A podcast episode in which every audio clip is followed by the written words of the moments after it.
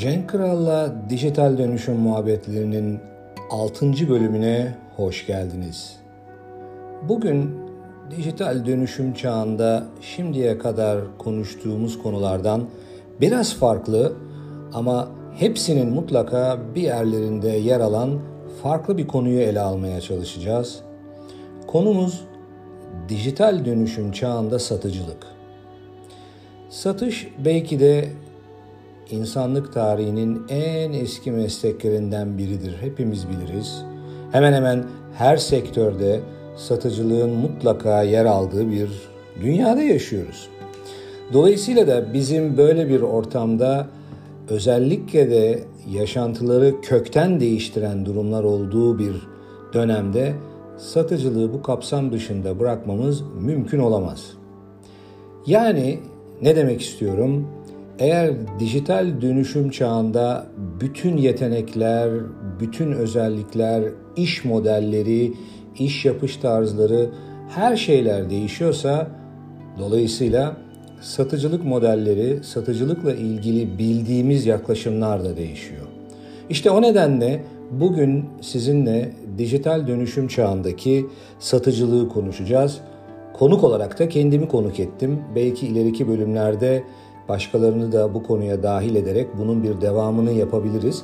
Ama benim 31 senelik meslek hayatımın en önemli e, sütunlarından bir tanesi, yapı taşlarından birisi satış.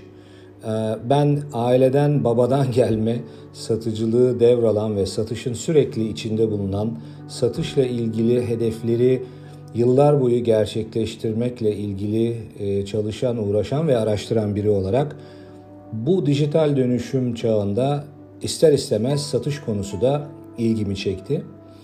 Evet, Dijital dönüşüm çağı içerisinde satış olayını ele alırken e, satıcılığın metodolojisi üzerinde de durmamız gerekiyor.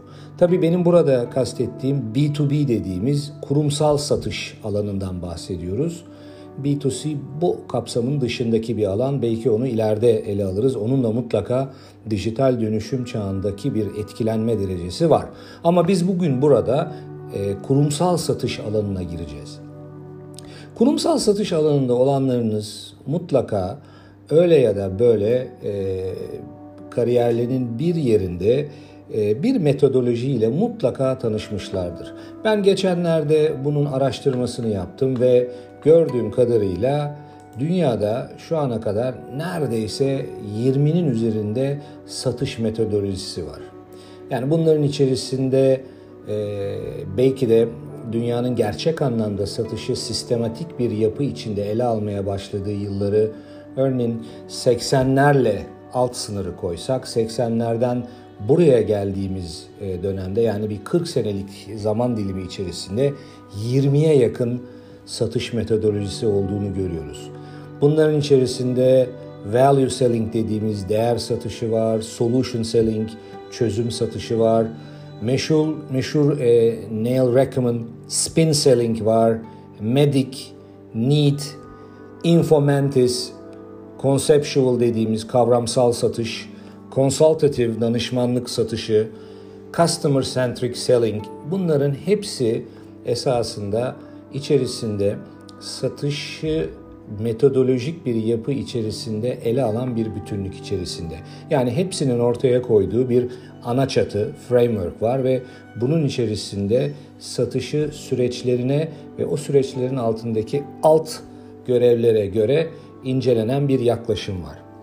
Şimdi birçoğunuzdan e, duyar gibi oluyorum. Satış, satış değil mi? Hepsi günün sonunda aynı kavramın üzerinde dönüyor. Haklı olabilirsiniz. Özünde tabii ki bir müşteri, bir ihtiyaç ve ona karşılık gelen bir çözüm var ve bununla ilgili satıcının ya da satış şirketinin konuya yaklaşımı var. Biz tabii bunu şirketlerden bireye indirgediğimizde yani kurumsal satışı ifa eden e, satıcı noktasına getirdiğimiz zaman o zaman bu metodolojilerin kişiye olan etkisini incelemiş oluyoruz. Evet, dijital dönüşüm çağı ile beraber satıcılıkta da yeni bir dönem açılıyor. Hatta bu konuyla ilgili karşımıza çıkan ve belki de bize bu anlamda e, en enteresan doneleri sağlayan bir modeli ben yıllardır inceliyorum. Yani dijital dönüşüm kavramıyla tanıştığım günlerden beri hemen hemen aynı zamanlarda içinde bulunduğum e, aynı dönemlerde bu yeni satış metodolojisiyle karşılaştım ve bu metodolojiyi inceleyerek sürekli yıllar içerisinde uygunluğunu bir nevi test etme imkanım oldu. İsterseniz size bu metodolojinin biraz tarihçesinden bahsedeyim ve ondan sonra da konuya girelim. Efendim konu 2008-2009 yani malumunuz e, merkezi Amerika olmak üzere bütün dünyayı etkisi altında bulunduran bir e, kriz vardı. Bir ekonomik krizin yaşandığı, çok yoğun bir ekonomik krizin yaşandığı bir dönemdi ve e, Amerika'da çok büyük e, yatırım şirketleri, e, bankalar ve hatta ekonominin birçok alanına yayılan çok ciddi büyük skandalların ve hatta bununla ilgili yıkımların olduğu bir dönemde Amerikan ekonomisi gerçekten çok dev bir etkilenişin altında kalmıştı ve e, özellikle 2009-2010 döneminde şirketlerin çok ciddi sarsıntılar geçirdiği bir dönemde e, satış yapmak ve dolayısıyla satışın sonuçlarına dair e, faydaları gösterebilmenin çok zor olduğu bir dönemde e, kendileri de eski satış dünyasından gelen iki uzman kıdemli veteran satış veteranı o zamanlar bir danışmanlık şirketi altında enteresan bir noktayı gözlemliyorlar. E, o zamanlar e, kendilerinin kurduğu e, CEB diye bir e, şirket var. Kişiler Matthew Dixon ve Brent Adamson isimli iki tane söylediğim gibi veteran satıcı ve o zamanlar üst düzey bir danışmanlık noktasında kendi şirketlerini e, şirketlerinde çalışıyorlar.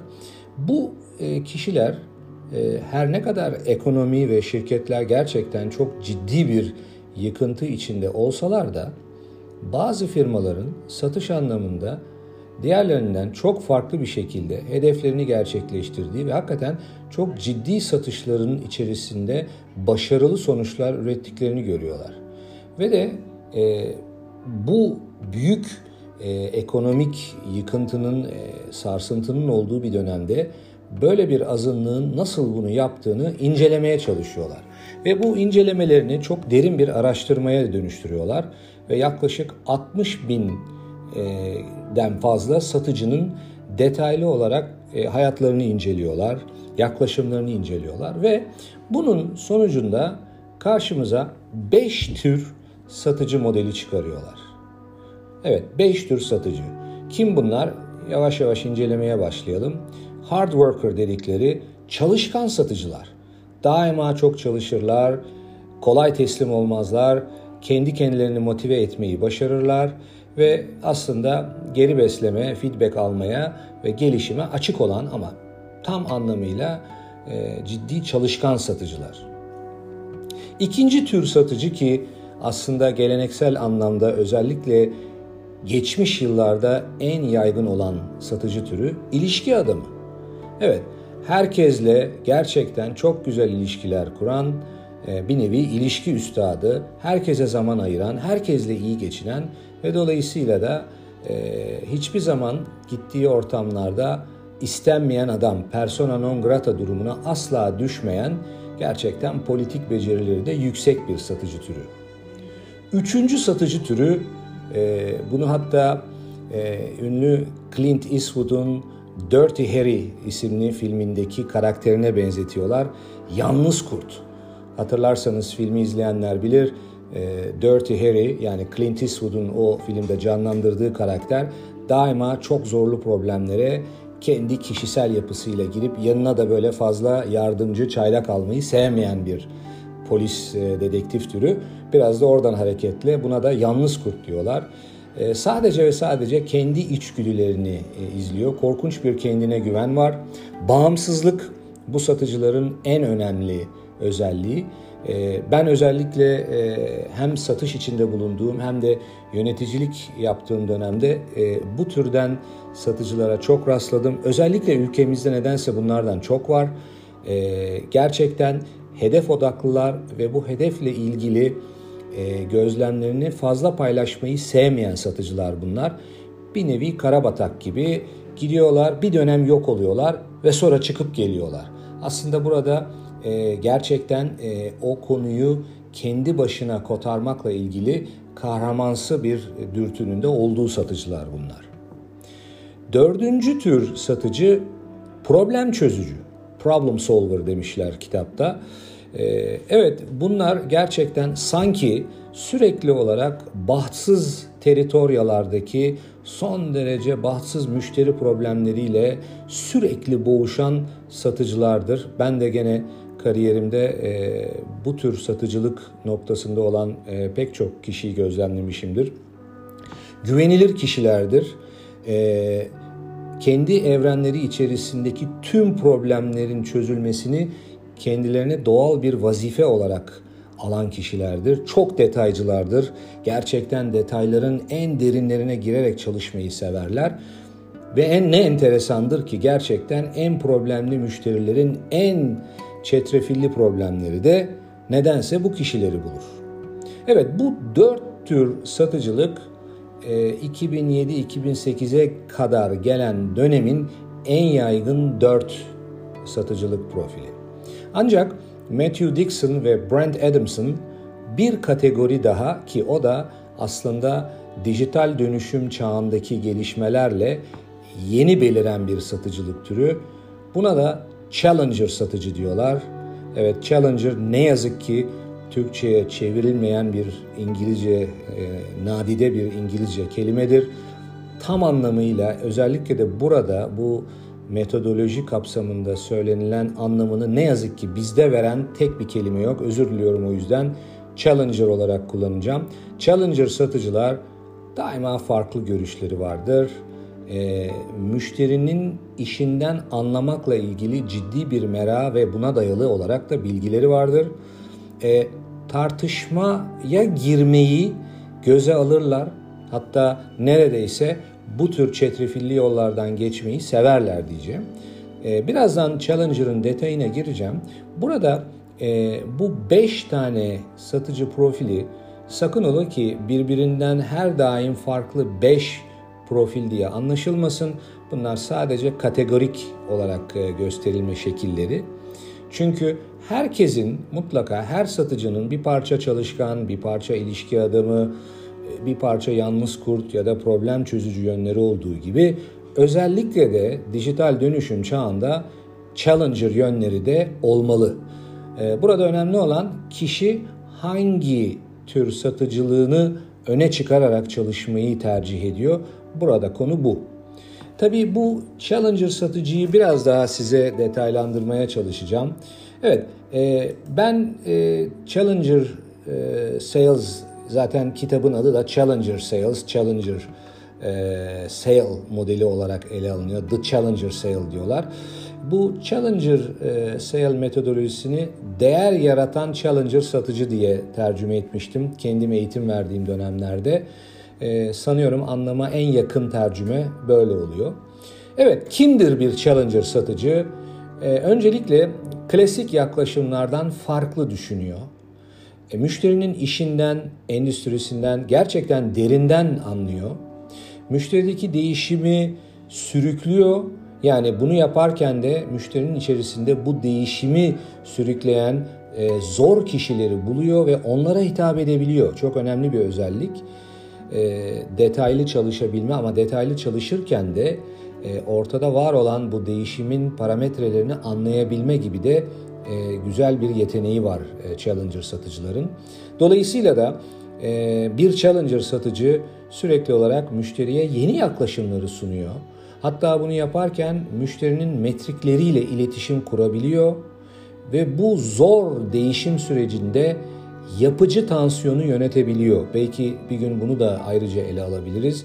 Yapıcı tansiyon çok önemli e, müşteriyle tabiri caizse kavga noktasına gelmeden ama sanki hiçbir şey yokmuş gibi de güllük gülistanlık o iki uç arasında e, sonuçta ortaya gerçekten yapıcı bir sonucun çıkmasını sağlayan tansiyon ortamına yapıcı tansiyon diyor The Challenger Sale metodolojisi ve bu satıcı da bu tansiyonu çok iyi yönetiyor. Mesajlarını uyarlamasını beceriyor ve satın alma sürecinde kontrolü muhakkak elinde tutarak sonuca gitmekle ilgili kritik adımları da atabiliyor.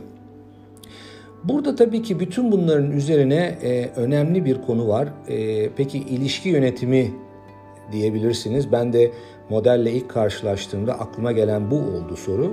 Evet ilişkiyi de koruyor ama sadece güçlü ilişkilere dayanmıyor.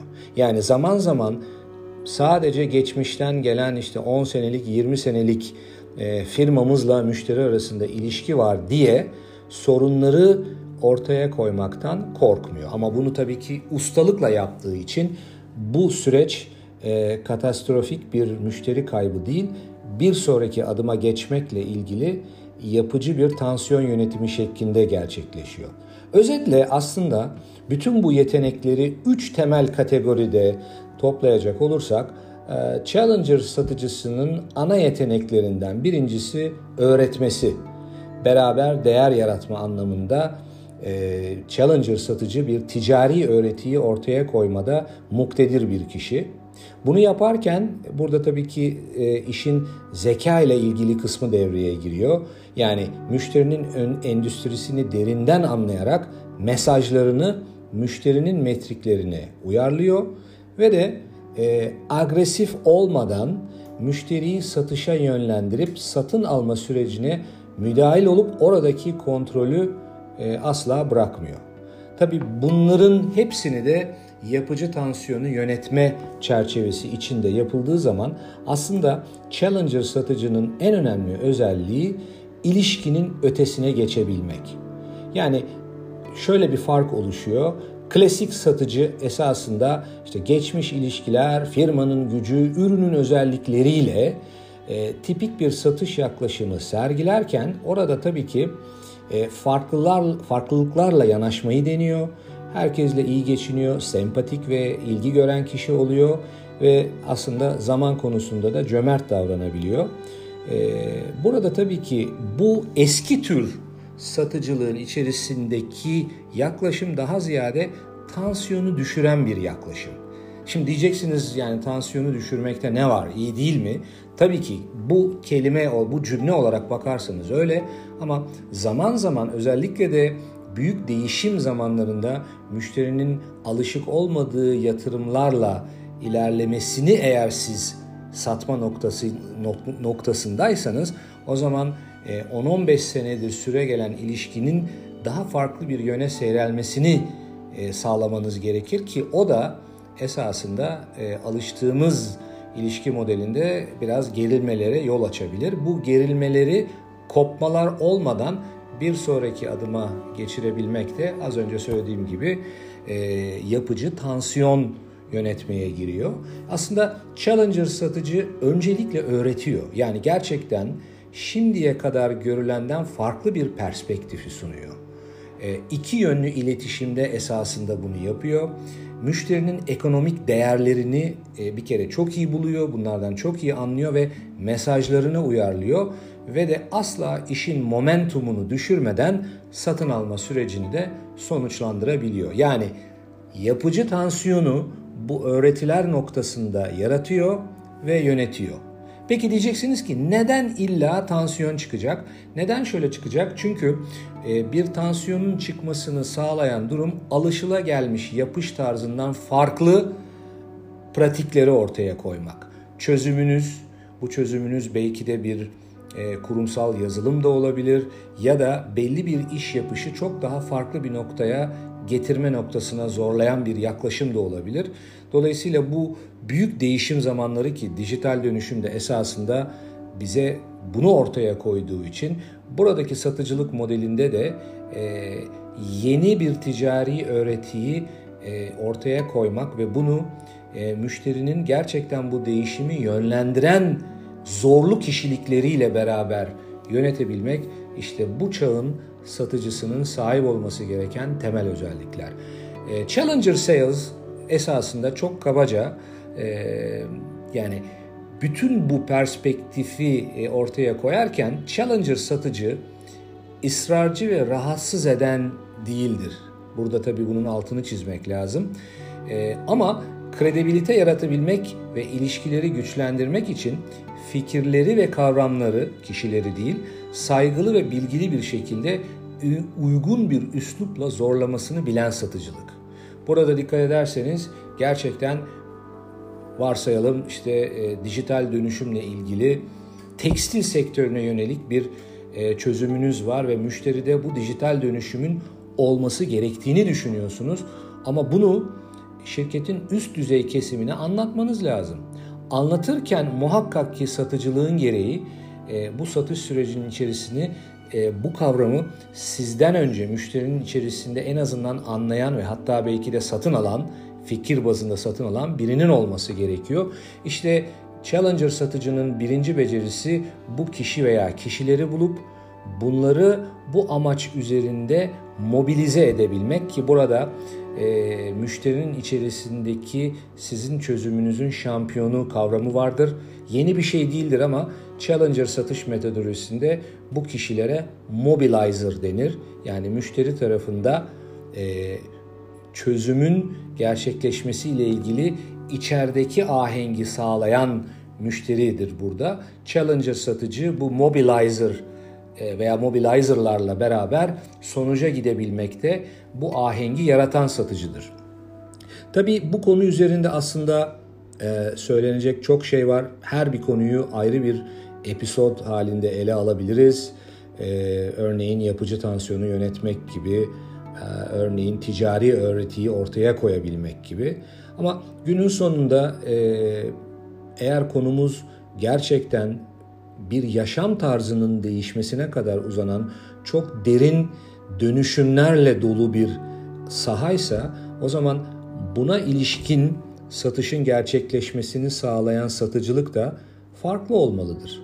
Ve bu farklılığı yaratan e, satıcılığı da rastgele sadece dijital teknolojiye ait teknolojik e, kavramları bilmek yetmeyecektir. Bu çok önemli.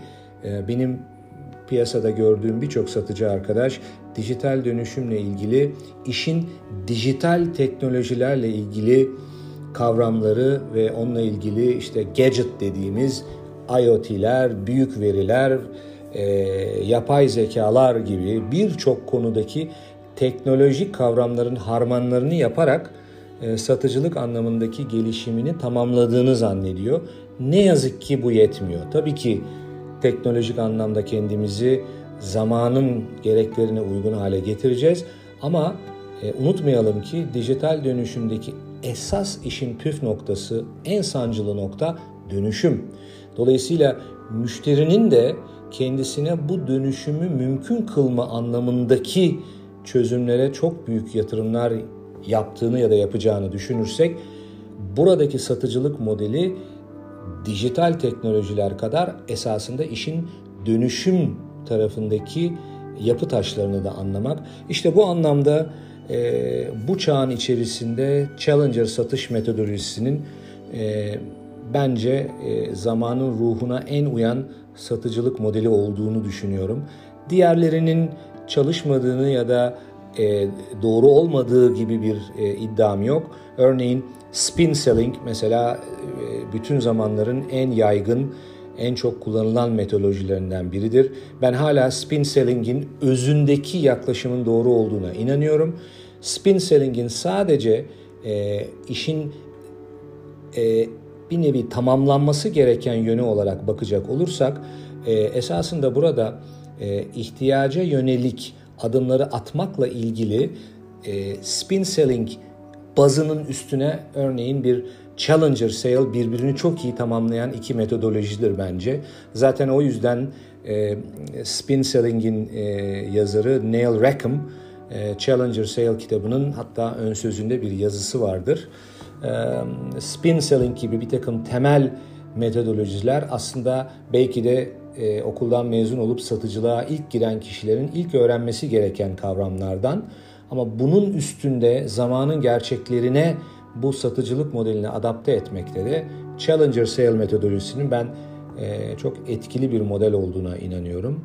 E, Challenger Sale'ın nereden bakarsanız bakın aslında bir 10 seneyi aşkın bir e, süreci olduğunu görüyoruz ve bu anlamda da e, bir arada birkaç revizyon geçirdiğini de takip ettik. E, örneğin yazarlar e, Challenger Sale yazdıktan bir müddet sonra Challenger Customer yani Challenger müşteri tarafını da irdeleyen bir kitap ortaya çıkardılar. Şüphesiz her şeyde olduğu gibi bu metodolojinin de e, eskiyeceği, e, yenilenmesi gereken bir zaman gelecek. E, o zaman da belki karşımıza yeni bir metodoloji çıkacak. Ama şunu rahatlıkla söyleyebilirim ki özellikle bizim ekonomimizin içinde bulunduğu dönemlerde Challenger Sale metodolojisini iyi özümseyen bir satıcı en aşağı önümüzdeki 5-6 sene hiçbir şey kaybetmeden çok güçlü bir şekilde donanmış olacaktır. Evet, neredeyse 25 dakikayı aştık. Satıcılık deyince e, ben malumunuz e, en çok konuşma payını kendime ayırdım. Kendi kendimi konuk ettim. Ama bu konuda e, fikrine, bilgisine güvendiğim çok değerli arkadaşlarımı aynı konuyla ilgili ilerideki zamanlarda bu konuların tamamlayıcısı olacak konu başlıklarıyla tekrar karşınıza geleceğiz. Evet, Cenk Kral'la dijital dönüşüm muhabbetlerinin 6. bölümünde dijital dönüşüm çağındaki satıcılığı ele aldık. Bununla ilgili Challenger Sale metodolojisini dilim döndüğünce size anlatmaya çalıştım. Umarım başarılı olmuştur. Lütfen e, fikirlerinizi, önerilerinizi bana yazabilirsiniz. E, cenk.kiral.gmail.com benim şahsi e-mail adresimdir. E, bana buradan e, bu podcast'i dinlediğiniz platformdan da yazabilirsiniz. Fikirlerinizi ve önerilerinizi özellikle almak isterim. E, bu programda başka hangi konuları işleyelim, neleri gündeme getirelim sizlerden duymak isterim.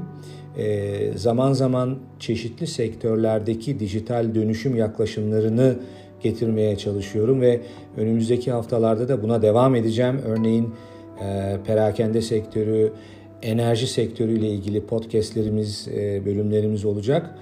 E, ama e, önerileriniz ve fikirlerinizi de mutlaka almak isterim. Evet, bu defalık bu kadar. Hepinize mutlu günler diliyorum. İyi günler.